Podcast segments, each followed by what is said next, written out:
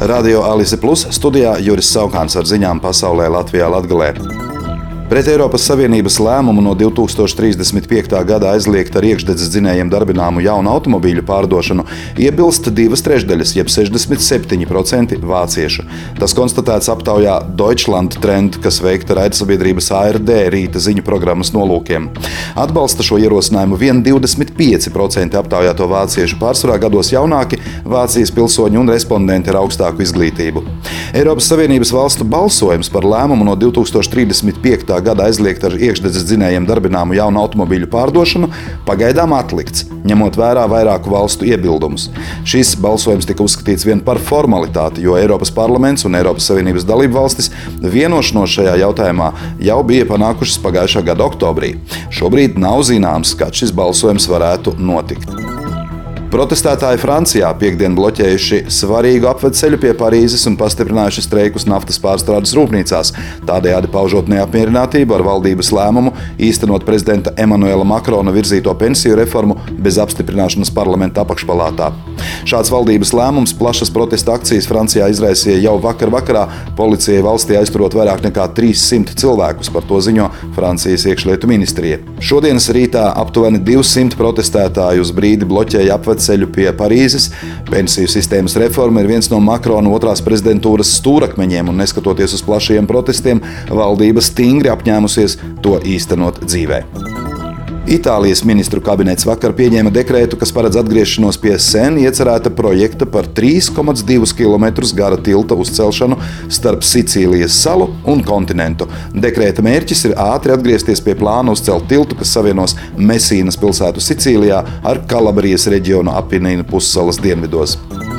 Tiesības sargs pārbaudas lietā par valsts ieņēmumu dienesta rīcību konstatējis, ka šī iestāde pretiesiski novēloti aizpildījusi iedzīvotāju gada ienākuma deklarāciju un aprēķinājusi nodokļus to maksātāju vietā, un šāda rīcība negatīvi ietekmē daudzu iedzīvotāju intereses.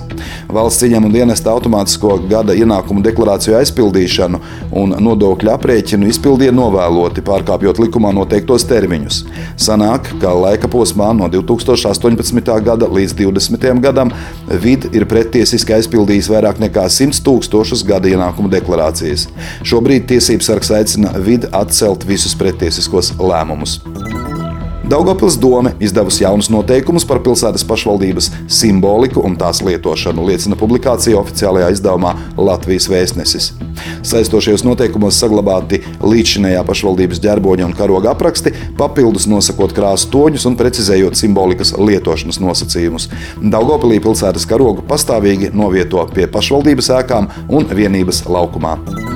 Robežsargi Daugavā atraduši kontrabandistu veidotu plostu, taisnu stūrveida priekšmetu, kas bija ietīts polietilēna plēvē ar 40 tūkstošiem Baltkrievijas cigaretēm, NZ Gold un 99 600 cigarešu NZ Black Power ar Baltkrievijas akcijas markām. Par kontrabandu lielā apmērā sākts krimināla process. Sēlijas turisma tirgus šogad notiks Bebrenē, kur pulcēsies turisma pakalpojumu sniedzēji, amatnieki, mairažotāji un kopienu pārstāvji no visas Sēlijas. Bebrenes vēsturiskajā centrā 13. maijā paredzēta virkne aktivitāšu, darbosies bērnu atrakcijas un apmeklētājus priecēs Sēlijas pašdarbības kolektīvu priekšnesumi. Dienu iepriekš 12. maijā pulkstens desmitos notiks Sēlijas turisma konference, tā tiks straumēta kopienu sadarbības tīkla Sēlijas salas kontos sociālajos tīklos.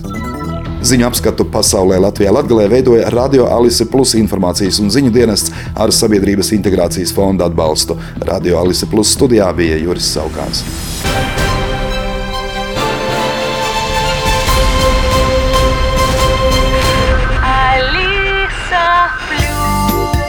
Radio